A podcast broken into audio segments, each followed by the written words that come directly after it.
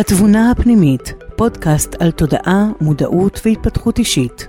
בהנחיית יפעת ברכה, יועצת ומלווה עסקית, מנחה ומלמדת תודעת העל, מייסדת ומנכ"ל של מעגל תנופה.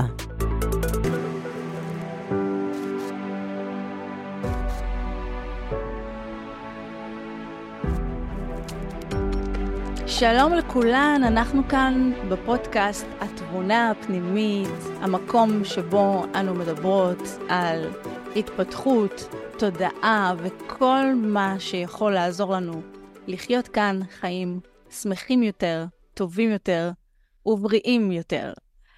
אז אני יפעת ברכה, וכאן נמצא איתי דני גולן, מה העניינים? מה שלומך? אהלן, שלום, שלום. איזה כיף.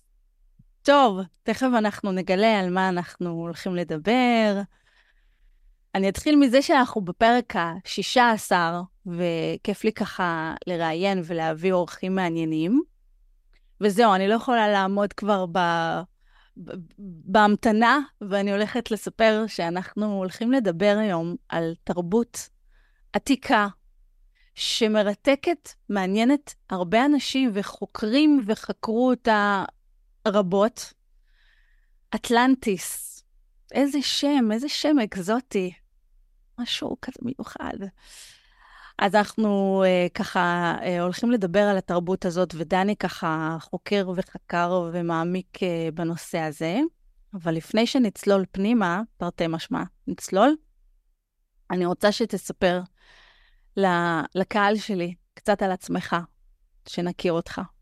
אוקיי, אז בוקר טוב לכולכם ולכולכם, אם יש פה גם גברים שמאזינים. אה, אני מלווה בשנה וחצי האחרונות אה, אנשים בתהליכים של להיכנס פנימה עמוק, אה, להיות בשיח עם הנשמה שלהם, אני מלמד תודעת העל, וכל מה שמעיף אותי ומרגש אותי ומסקרן אותי זה התפתחות אישית, ושאנשים עוברים תהליך אבולוציוני כזה של לצמוח ולגדול ולהבין את עצמם, ו... לפתח את עצמם ולא לוותר לעצמם במסע המדהים הזה שנקרא מסע גיבור עלי אדמות.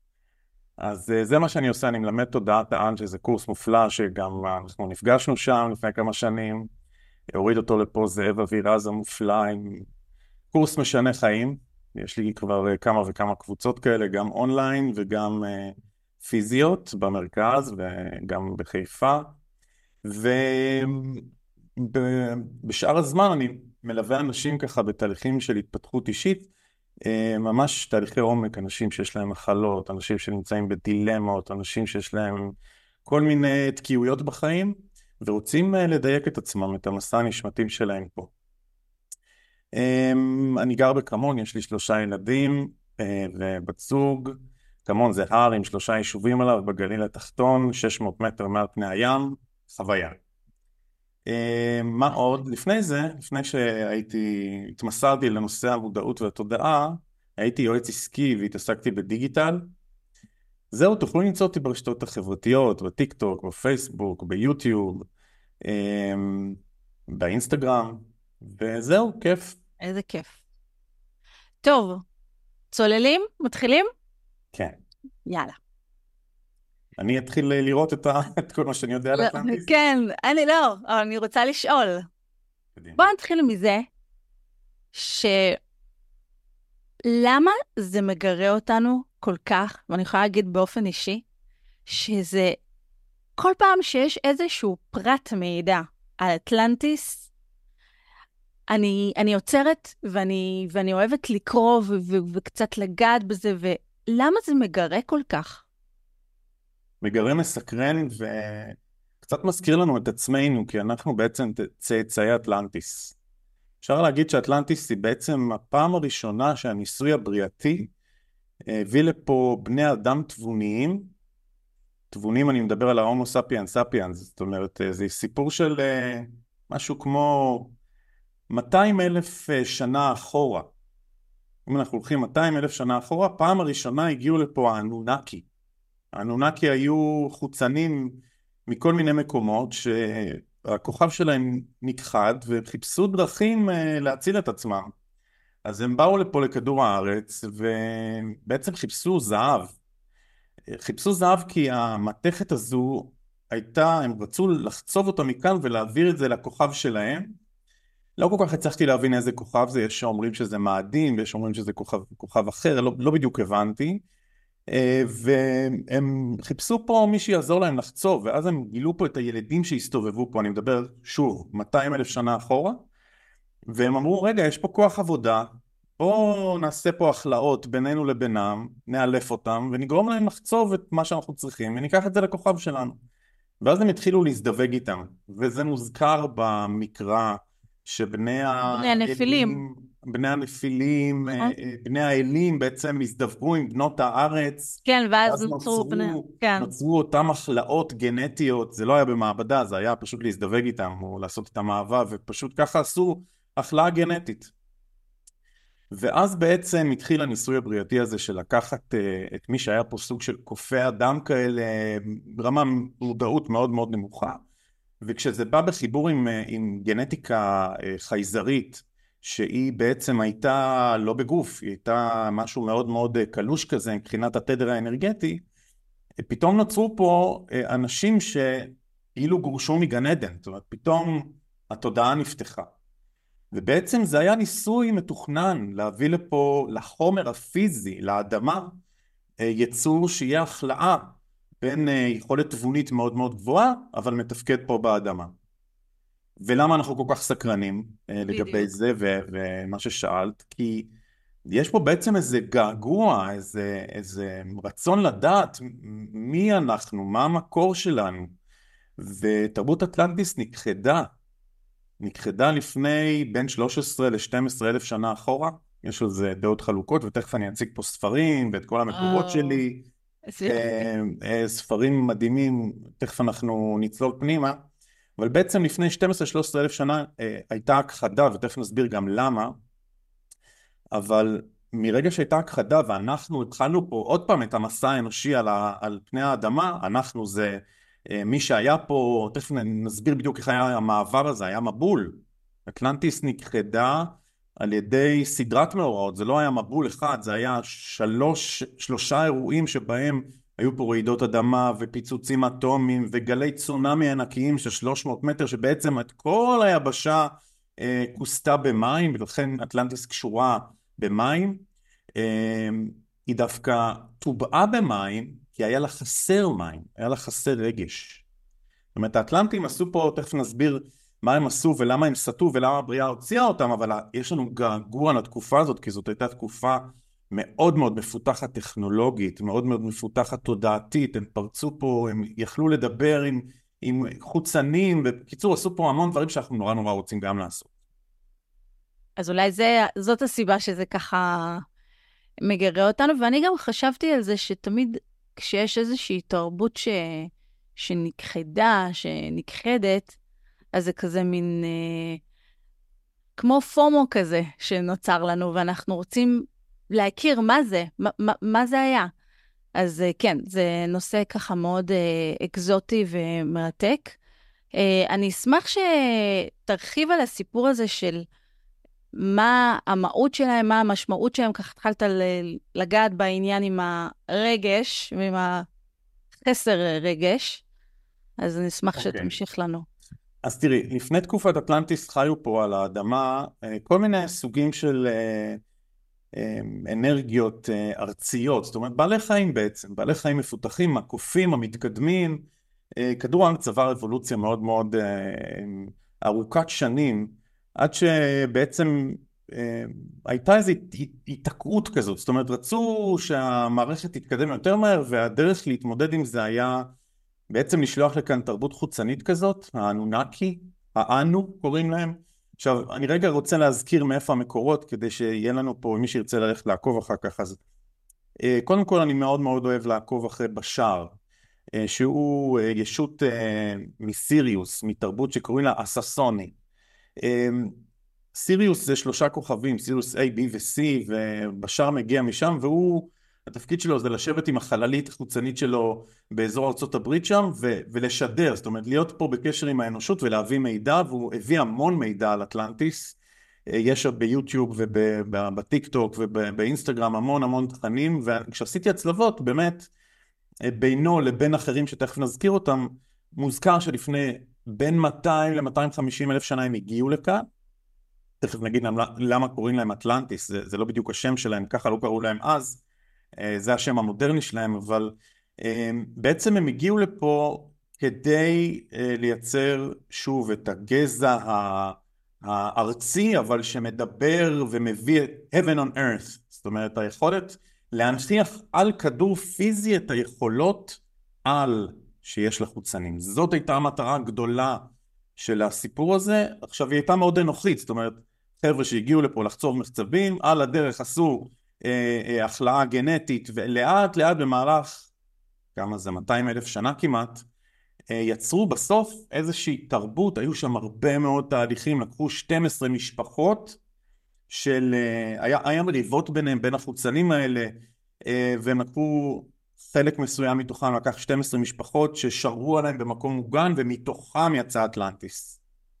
זאת אומרת, יבשת אטלנטיס עצמה התחילה באזור האוקיינוס האטלנטי, כשלקחו 12, למה דווקא 12? זה מעניין.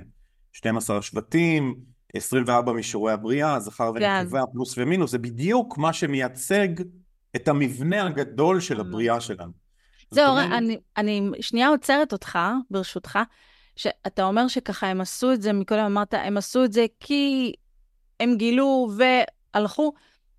אני מאמינה שהמערך האסטרטגי הבריאתי, כן הייתה שם איזושהי יד מכוונת. הייתה תוכנית. זאת אומרת, כן. הם גם היו אה, כלים בדיוק ב, בתוכנית, שבעצם אה, לייצר כאן את גופי האדם שיכילו את הנשמות והליבות וכל כל הדבר. מבחינת הניסוי הבריאתי רצו בעצם להביא את האוויר, זאת אומרת, את השכל, את המודעות, את התודעה לאדמה, ולהטמיע את זה בתוך גופים פיזיים, ושהיצורים האלה עלי אדמות שיעבדו עם היכולות האוויריות שלהם. זה היה הניסוי, אוויר באדמה. ומה שקצת השתבש זה שהם שכחו את המים, שכחו את, את יסוד הרגש, את, את כל מה שמחבר, הדבק ביניהם לבין, לבין שאר היצורים שחיו פה על הכדור, ואנחנו נגיע להכחדה ותכף נדבר עליה. מעולה. אז uh, מה היה הקו שבו הפסקתי? הפרעתי לך באמצע, כן, על ה-12 משפחות, 12 מישורים. כן, 12 okay, כן. המשפחות האלה, לאט לאט הם קיבלו בעצם חניכה. מדמות שקוראים לה טאלס, או, או טוט. טוט, mm. עכשיו, הטוט, כן. T-A-T-H, אה, נחשב בעצם האבא הרוחני הכי מפותח שהתגלגל פה אה, מיליוני פעמים והוא החזיק בידע אסטרונומי ובידע של חקלאות ובידע של אה, מתמטיקה וגיאומטריות ויכולות אנרגטיות, הוא בעצם לימד את האטלנטים לחיות באדמה ואימן אותם. ולאט לאט האטלנטים אה, השתלטו על כדור הארץ, אה, זה מין נראה כמו, אולי אני אשלח לך אחר כך תמונות או קטעי וידאו, זה נראה כמו כאילו חגורה של נחש כזה שהולך ומקיף את כדור הארץ מהאוקיינוס האטלנטי הם השתלטו, הם שטו בספינות נכנסו לתוך המזרח התיכון, במזרח התיכון היה מרכז מאוד מאוד חשוב, וגם בישראל ספציפית. וואו. וגם באזור, באזור uh, מצרים. היה מרכז מאוד חשוב, ששם האנונקי בעצם נחתו. זה היה מרכז אנרגטי מאוד מאוד חזק. האטלנטיס יצאו משם לאוקיינוס האטלנטיס כדי לבנות את התרבות שלהם. אבל ההתחלה של האנונקי הייתה באזור, באזור uh, מצרים וכל האזור הזה. ואז הם המשיכו להקיף, הם הגיעו ממש עד, עד ההימאליה.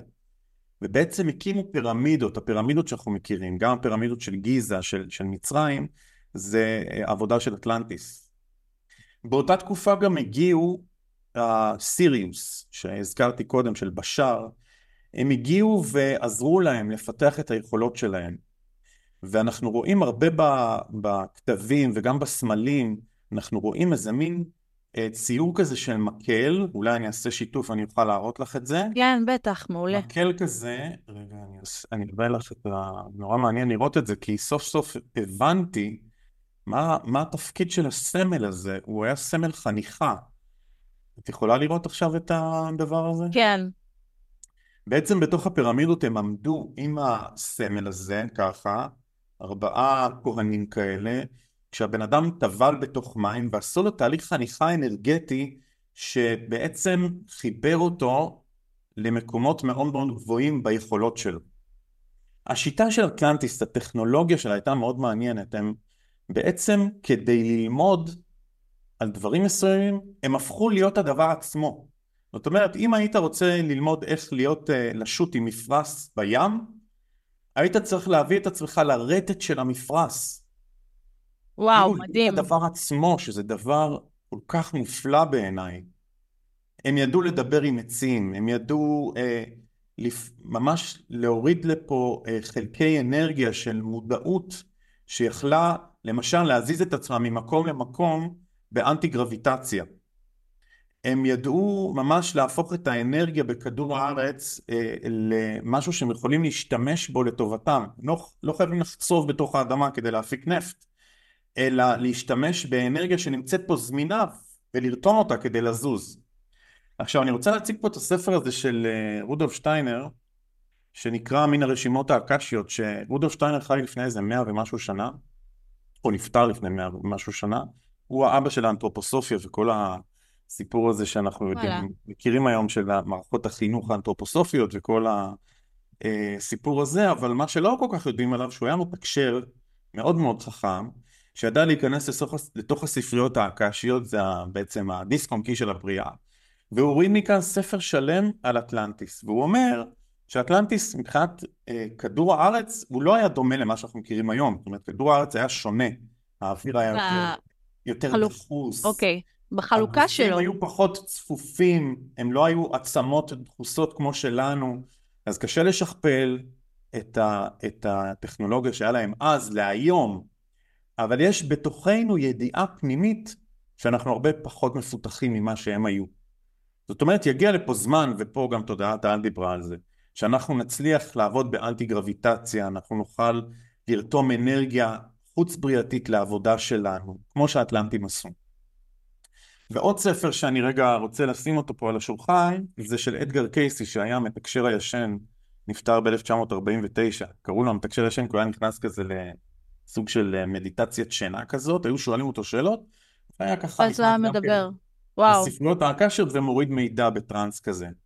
אמ, וגם בספר הזה יש ממש ציטוטים מכל האנשים ששאלו אותו שאלות ומלא מלא חלקים על אטלנטיס.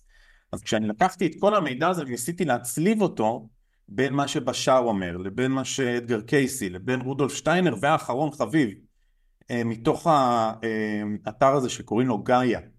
יש בחור בשם מתיאס דה סטפנו, שהוא חי באטלנטיס, בחור בן, אני יודע, 35, מדבר שוטף את כל הסיפור של אטלנטיס. וואלה. שלוש עונות, סליחה, ארבע עונות, עם איזה 12 פרקים בכל עונה, וזו חוויה מטורפת להקשיב לו. אני רק אספר לכם על הפירמידות. מה היה התפקיד של הפירמידות? ספר לנו. הפירמידות, אנחנו כאילו, יש פה חוקרים שחושבים שכבר, גם החוקרים כבר מבינים שזה לא היה אזורי קבורה. זאת אומרת, לא, לא מצאו שם עצמות למשל. מצאו שם כן אה, אה, מין אה, משהו שנראה כמו קברים, אבל לא היו שם שרידים של, של אנשים שנקברו שם. גם המומיות, אה, הם לא נמצאו בתוך הפירמידות.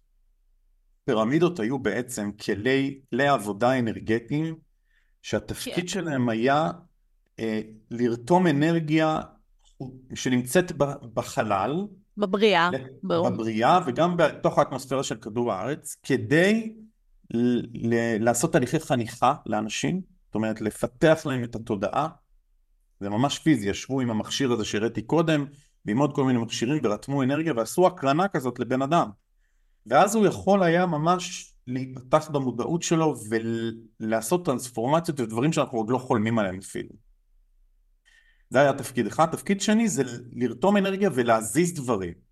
נגיד, איך נבנו הפירמידות העצומות האלה עם עם אבנים של 19 טון, יש שם אבנים שלא ברור מאיפה הם הגיעו בכלל. ברור, לא הייתה את הטכנולוגיה אז בכלל להזיז אותם. גם לא היום זה מאורע מטורף לעשות. אם היום היינו רוצים לבנות את הפירמידות, זה גם היה, עם כל הטכנולוגיה שיש לנו. זה גם לא היה פשוט. זה, זאת חידה, והחידה היא בעצם איך הזיזו את האבנים האלה, וכנראה שעשו את זה בכוח המודעות והתודעה.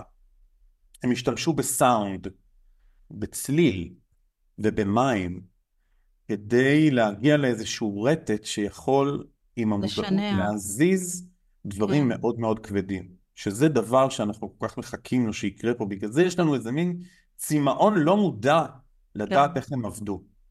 עכשיו תראי, כשאת הולכת למדע, אז לא כל כך מוצאים שרידים של אטלנטיס. נכון, זה... אין כל כך, לא עכשיו מצ- חושבים שזאת אגדה, ומה אתה יודע, ספריות האקשיות, אתה ממציא כל מיני המצאות. אז תראי, כשאת מתחילה אה, לחקור את ההיסטוריה, מסתבר שההיסטוריה שלנו, היו פה כל מיני תרבויות שנעלמו, ואין לנו את הרקורד ההיסטורי, ארכיאולוגים לא יודעים להיכנס ולראות איזה תרבויות היו פה לפני 50 אלף שנה, 200 אלף שנה, יש כל מיני תאריכים אה, אה, ארכיאולוגיים כאלה שאנחנו תיארחנו, אבל יש כאן תרבויות שהיו על כדור הארץ, וזה מוצלם מול הכתבים שלנו, ספר חנוך למשל, שהוצא מתוך כתבי ה... מתוך התנ"ך שלנו, הוא ספר שמדבר ממש על הנושא הזה של החוצנים שהגיעו לפה, ונוח, אפשר אה, לגשת אליו, לספר הזה? כן, כן, אה, הוא קיים, הוא קיים, הוא תורגם, עצרו אותו לפני איזה 500 שנה, ותרגמו אותו, הוא נמצא איפשהו באתיופיה, ותרגמו וואו. אותו, אני עוד לא שמתי את הידיים עליו, אבל uh, יש שם המון המון ידע, ש, שהוא בעצם חלק מהרקורד ההיסטורי, שהיה מישהו שמה שנקרא ערך את זה והוציא את זה, כדי שאנחנו אני- לא נדע. אני רוצה שנייה לעצור אותך ולהגיד למי שפחות אה, מודע ומודעת שהתנ"ך הוא מה שנקרא ספרייה של, אסופה של ספרים, שמישהו שהוא בסופו של דבר בן אנוש, וחשוב לשים על זה את הדגש, ערך את זה וקיבל החלטה מה נכנס ומה יוצא. מה, זה לא דברי אלוהים חיים? אה, חשוב שזה ייאמר בקול רם כדי כאן ליישר איזשהו קו, ואפרופו לא רק על התנ"ך אה, של היהודים, גם הברית החדשה של הנוצרים, גם שם היה דין ודברים, כל מיני מה נכנס ומה יוצא. אז אני פשוט מחברת את זה לעניין של, של חוסר היכרות שלנו עם uh, תרבויות מסוימות. זה לא, איך אומרים? זה לא סתם. זאת אומרת, יש כאן דברים שבאופן מודע הוצאו החוצה. אז כן, תמשיך. טוב, אז, אז אנחנו יודעים שיש יד מכוונת שגרמה לזה שאנחנו כנראה ב-13 אלף שנה האחרונות היינו צריכים להתחיל את הציוויליזציה מחדש, אחרי שאטלנטיס אה, טובעה וכחדה. אז תראי, הם, הם מאוד מאוד התקדמו האטלנטים. אנחנו, לפני שאני אגיע לתרבות שלנו ולהקשר שלה לאטלנטיס, נדבר שנייה על, על ה... נרוץ קדימה ונראה איך הם, אה, מה הם עשו בעצם שגרם לזה שהם בסוף, הבריאה סילקה אותם מפה. ברגע שהאטלנטים התחילו לעשות uh, מחקר באדמה שהוא מאוד מאוד אנליטי, הם היו מאוד מאוד חכמים, פחות רגשיים, לעומת הלמוריאנים שהיו לפניהם, שהיו מאוד מאוד רגשיים ופחות שכלתניים. אה, אותם- הם היו, הם, הי- הם היו הם, במקביל? הם היו בחפיפה, כן. הם היו, אוקיי. קודם היו הלמוריאנים, שהתפקיד שלהם היה לבדוק את המים באדמה, את, ה, את כל נושא הרגש באדמה, והם נכנסו למערות ויצרו את החקלאות. הם היו ממש חלק מהאדמה. הם אפילו קידשו. אותה. מאוד, נכון. זה, זה התקופה הלמוריאנית.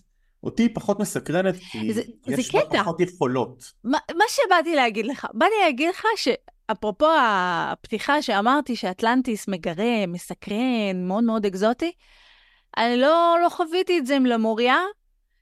אני שמעתי, ראיתי אי פעם באינטרנט וברשתות שכל מיני, יש כל מיני כמיהה לחזור ללמוריה, ויש כל מיני תנועות כאלה, גם, אבל... גם אה, היום, גם היום. כן, כן, כן, אני רואה. התגלגלתי לכל מיני כאלה קבוצות, אבל אטלנטיס, מה שנקרא, by far, הרבה אה, יותר מעניין. הרבה יותר מעניין, כן. עכשיו, זה לא חוכמה, יושבות פה שתי ליבות אוויר, אה, את ואני, כן. אנחנו ככה אנשי- עפים על, ה, על השכל ועל ההתפתחות המודעת, ויש פה אנשים על כדור הארץ שמאוד מאוד מתגעגעים לתקופת למוריה, לחיות בלי טכנולוגיה, ולהתחבר אל האדמה, ו-make love no war, וכל התהליך הרגשי הזה שהבריאה כבר סיימה ללמוד אותו, יש כבר מספיק מסקנות בבריאה על מה זה להיות... אה, הספריות מלאות. הספריות ספריות מלאות. מלאות. מה שכן, אנחנו עכשיו מאותגרים, וגם יובה הולך לצאת מפה, שזה בכלל סיפור, שאנחנו נהיה עם גופים יותר קלושים. בקיצור, אנחנו חוזרים לתקופת אטלנטיס. יש בזה הרבה סכנות, תכף אנחנו נדבר על זה. איך גם אנחנו יכולים לאבד את המים שלנו, ופתאום להיות פחות הרמוניים, ואפילו לפגוע אחד בשני, ולהתחיל לעשות מלחמות, ואז האינטליגנציה חשוכה יכולה להיכנס. בקיצור, בדיוק. יכול להיות... אה, כשאין. הרמוניה, אז אה, נקודת uh, חולשה שלנו. כן. אמ, אז האטלנטים מאוד מאוד uh, התפתחו וחיו במשך, uh, בשיא התקופה שלהם, הם, הם בעצם עשרת אלפים שנה ככה חיו uh, בשגשוג, עד שגם הם התחילו סוג של מריבות ביניהם וויכוחים. האם לצאת ולכבוש עוד מקומות, והאם לעשות כל מיני הכלאות, ולמשל הם, הם לקחו את ה-DNA האנושי מסוים אה, שהיה פה, והתחילו להפוך אותו בניסויים, ניסויי מעבדה כאלה, אה, התחילו להפוך אותו לגזע של עבדים, והתחילו לעשות הכלאות בין חיות לבני אדם, ואנחנו רואים את זה בכל מיני ציורים, הם התחילו להשתעשע בכל מיני תהליכים מוזרים עם חיות וניסו לעשות גזעים של עבדים. בקיצור הם עשו כל מיני דברים לקראת אה, סוף התקופה שלהם אה, שהתחילו להפריע לבריאה. מה זה להפריע לבריאה? הם התחילו לפרוץ את המימדים. זאת אומרת אנחנו חיים במימד השלישי, מעלינו יש את המימד הרביעי והחמישי והשישי וכן הלאה. הם התחילו לעשות אה, תקשורת כזו עם כוכבים אחרים ועם אה, מקומות אחרים בתוך הבריאה שהתחילו ממש לפצוע את המעבדה, זאת אומרת לפצוע את המעטפת של כדור הארץ כן. האנרגטית. והם היו time travelers, הם ידעו לנסוע בזמן ולהעביר את עצמם ממקום למקום, ואז הבריאה הסתכלה ואמרה רגע רגע רגע יש פה, מתחיל להיות פה סטייה בכיוון.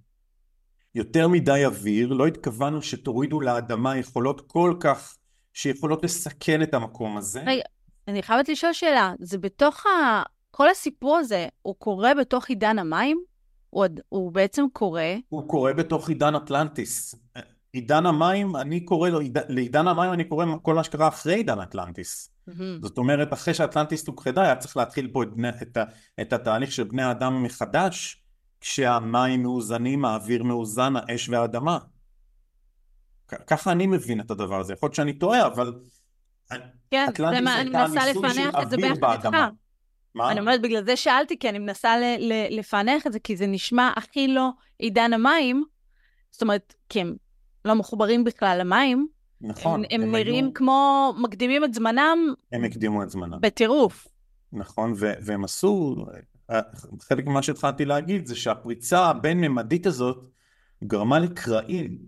נגיד משולש ברמודה. בדיוק. שאנחנו באתי... מכירים אותו היום, כן, באתי זה היה איזשהו, איזשהו מנוע שהם, שהם בנו, שעד היום לא הצליחו לתקן אותו. זאת אומרת, יש אנשים, מטוסים, שטסו מעל משולש ברמודה ונעלמו.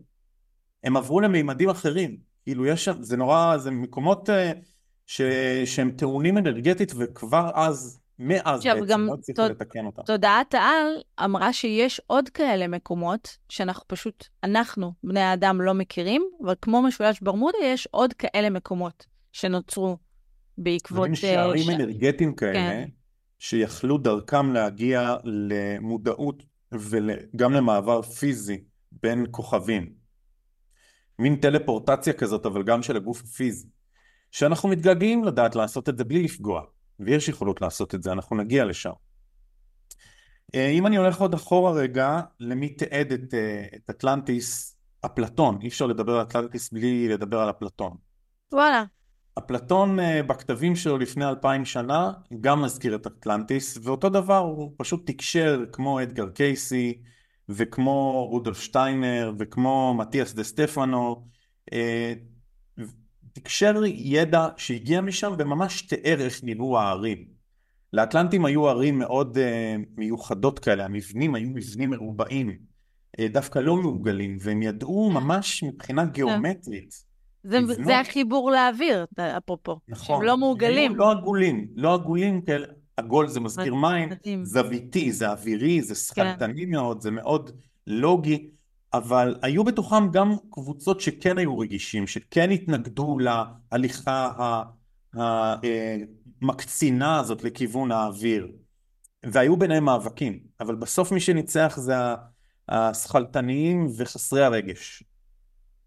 ואז בשלב מסוים הם התחילו, הם נקראו אה, לתת את הדין מה שנקרא, והחליטו להוציא אותם מפה, ואיך החליטו להוציא אותם מפה? הם השתמשו גם בקריסטלים ובידע שהגיע דרך יכולת אטומית, זאת אומרת הם עשו פיצוצים גרעיניים. ו... בשלב מסוים הם השתמשו בזה כל כך חזק אחד נגד השני, שזה יצר פה סערות בטבע, אה, שפשוט היו פה גלי צונאמי של 300 מטר. ו, ופיצוצים, סדרה של הרבה פיצוצים, וממש הם, הם יצאו מכאן, זאת אומרת, היה פה הכחדה, אבל היו קבוצות מתוכן שידעו שהולכת להיות הכחדה והם התכוננו. ואחד מהם שמוזכר בכתבים שלנו זה נוח. נוח שלקח זוגות זוגות של בעלי חיים, בעצם לקח DNA, שם אותו על הספינה, נוח זה שם כולל לניצולי אטלנטיס שלקחו את, ה, את ה, מה שנשאר פה וידעו שהולך להיות פה הצפה אה, מטורפת ובעצם הם התיישבו בשלוש, אה, בשלושה מקומות. אחד זה מצרים העתיקה, שתיים זה האזור של המאיה של דרום אמריקה, ושלוש איפשהו גם באסיה, באזור של הודו. בעצם אלה שלוש המושבות הראשונות שאיתם התחלנו את התקופה החקלאית, בעצם עשרת אלפים שנה האחרונות, התחלנו לבנות פה ציוויליזציה חדשה. אמ, זהו, זה הסיפור, זה, זה, זה הסיפור האטלנטי ככה ב, בספיד שככה עברתי בערך, אמ, אני יודע, 50 אלף שנה.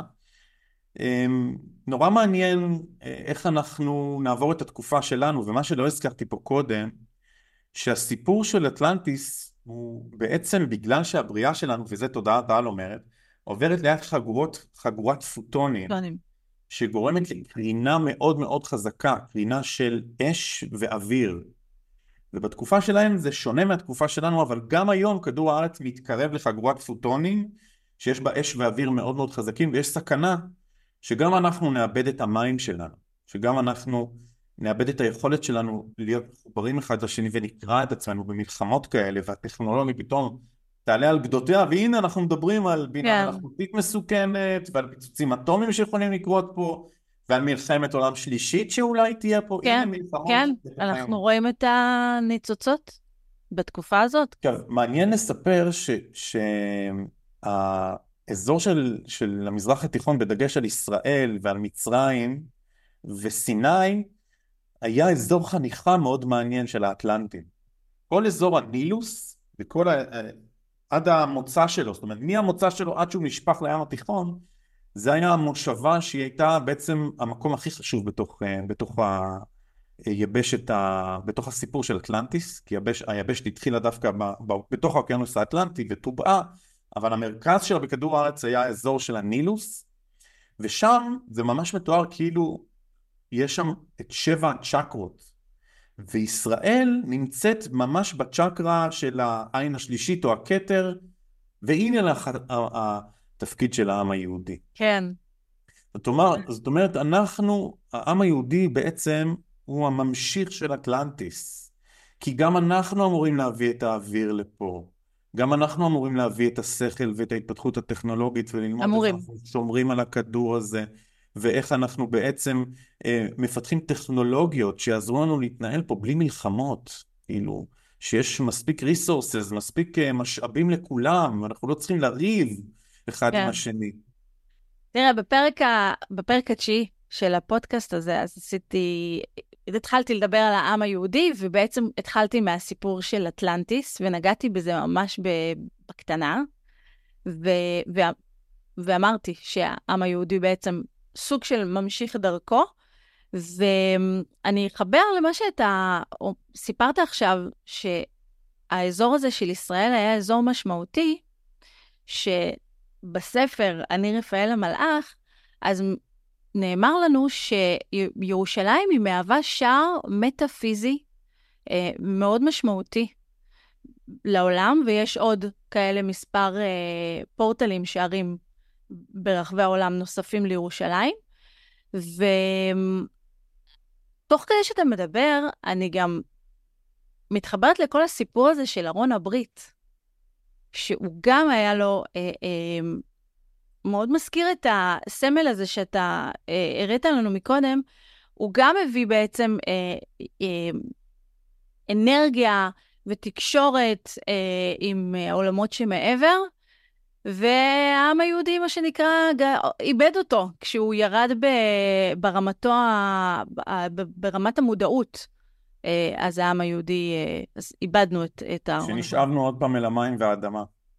בדיוק, וואו, איזה מטורף, איזה, איזה טיול לקחנו עכשיו מהאנונקי לאטלנטיס והגענו ל... לעם היהודי. ההיסטוריונים שלנו והארכיאולוגים שלנו יגלו את זה. זה עניין של זמן עד שהמדע ידביק את הפער, ומה שנקרא היום אגדות יגלו שהיו פה חוצנים, שהתפקיד שלהם היה להביא לפה את המודעות הגדולה והגבוהה, והנה המיסינג לינק של החוליה כן, החסרה של, אה, של דרווין, שאמר, רגע, יש פה קוף, ופתאום יש פה הומו ספיאן ספיאנס. כל הזמן, נכון. עכשיו, היה פה הומו ארקטוס, שזה השלב, היו פה כל מיני סוגים, גם נוח הררי, פרופסור נוח הררי מדבר על זה, אבל יש דווקא הנונקי האלה שעשו חיבור אה, חוצני להומו ארקטוס הזה, דווקא גזע אחד הצליח, למה הוא הצליח? כי הוא היה חכם יותר. הוא היה עם תבונה גדולה יותר, הוא לא היה דווקא חזק בפיזי, אבל המודעות והיכולת ההבנתית. התקשורת. התקשורת. ש... התקשורת חזקה. והתקשורת זה מתוך בינה. זה, התקשורת, לגמרי, ללא בינה לגמרי. אי אפשר לקיים תקשורת. טוב, וואו. אנחנו לקראת סיום? יצאנו למסע, כן, ממש, יצאנו לחתיכת מסע, היה מרתק. וככה אני, אני, אני ככה נמשכת בלשוני עוד לדבר ו, ולהתעסק בזה, שזה ממש ממש מרתק. אני חושבת שככה אם אני רוצה לסכם, ואני גם תכף אתן לך גם כמה מילות uh, סיכום, אני חושבת שאני מסתכלת ככה על התרבות כל הסיפור הזה של אטלנטיס, איך הם עלו לגדולה ואיך הם, הם נפלו, וממקום של בואו נלמד ובואו נבין ובואו נתחבר, בואו ניקח את הטוב מזה, ונימנע מללכת למקומות השליליים שהם אה, הלכו, כי באמת אנחנו, אתה יודע, אני מסתכלת ימינה-שמאלה, מה שקורה בעולם, ומקומות באמת הולכים ל... אתה יודע, אפרופו אוויר, דווקא אני רואה המון אש. זאת אומרת, אני רואה המון uh, רצון שליטה, המון רצון של להשתלט אחד על השני, אבל תוך כדי עיבוד רגש. זאת אומרת, תוך כדי של פחות uh, חיבור לרגש ויותר ה-what's in it for me. זה, זה איזשהו מקום שאני רואה את העולם הולך. למרות ו... שכולנו אחד ולמרות שאנחנו חוק, ש... חוק האחד, כאילו יש לנו פה חיבור ביניהם. לגמרי. זו תזכורת חשובה. ושוכחים את שני, זה. את מסתכלת על השמונה וחצי מיליארד איש שנמצאים פה, ואנחנו יודעים שעד סוף המאה אנחנו הולכים לחתוך חצי מהאוכלוסייה של כדור הארץ לפי נתוני האו"ם, לא לפי נתוני מישהו כן. שמדבר איתנו מגבוה. כן. יש פה תהליך שכנראה הולך להיות פה הכחתה גם כן. והנה אטלנטיס חוזרת. זאת אומרת, ההיסטוריה חוזרת, לא אטלנטיס, ההיסטוריה. זאת אומרת, לא צריך פה כל כך הרבה אנשים על הכדור. שואבים לו את האנרגיה, שואבים לו, מדלדלים את המשאבים, ומבזבזים אנרגיה, חבל. לגמרי. סליחה על הציניות ועל כאילו... לא, אני... על חוסר הרגש בזה ש... אז, אז זה שמתים, או זה שאנחנו כאילו... זה לא... זה לא נעלם. האנרגיה עוברת מימד, לא סיפור גדול למות. למעשה די קשה פה, לא? באדמה. כן. כן, לפעמים אומרים שמה צריך לפחד מגיהנום ולהסתכל על גיהנום, כשחלקנו, כש... חלק, חווים את זה כאן. נכון. טוב, אז uh, עוד משהו ככה לקראת סיום, שאולי uh, לא שאלתי, לא נגענו, או מסר ממך. אני הייתי רוצה להציג פה את התמונה האחרונה ש... שמראה איך המפתח הזה, שאת יכולה לראות וואו, אותו, מדהים. הכרנו אותו, איך הוא בעצם דרך שני כתבים, יד ימין ויד שמאל, זה הפלוסים והמינוסים. אפשר לראות את זה, צילמתי את זה, אה, לא צילמתי תמונה של הפלוסים והמינוסים, אפשר לראות בעצם איך כל האנרגיה זורמת דרך המרכזים האנרגטיים ויוצרת אה, את הצורה הזאת שנקראת טורס, שזה בעצם איך שזורם את האנרגיה גם, גם בבריאה כולה וגם בכדור הארץ וגם בגופים שלנו. אז תהליכי חניכה כאלה, אפשר לראות פה את הפירמידה, איך, איך הפירמידה הזו אה, בעצם גם כן יש בה את התנועה הזאת של טורוס עם שני ספינק, עם שני, איך זה נקרא, אה, אובליסקים כאלה כן. בצדדים. בקיצור, בקיצור, יש פה ממש טכנולוגיה שאנחנו, הגיע הזמן שכבר אה, נביא אותה לפה, ונשתמש בה. בשביל זה אנחנו צריכים לעלות ברמת המודעות והתודעה, יש כאן אז אם יש פה תהליך. מדענים בקהל, קדימה, בואו בואו תלמדו מתקופת אטלנטיס. כן. פחות? אין לנו מדענים פחות, מאזינים? אבל אה, כן, מדעניות. כן. טוב, דני היקר, תודה רבה רבה. שהבאת רבה כל הידע המטורף הזה, המרתק הזה, האקזוטי הזה, אה, ואני מקווה שנחכים ממנו וניקח אותו לשלב הבא, כאנושות בכלל. תודה תודה. רבה, בהצלחה. תודה שהאזנתן לפודקאסט התבונה הפנימית עם יפעת ברכה.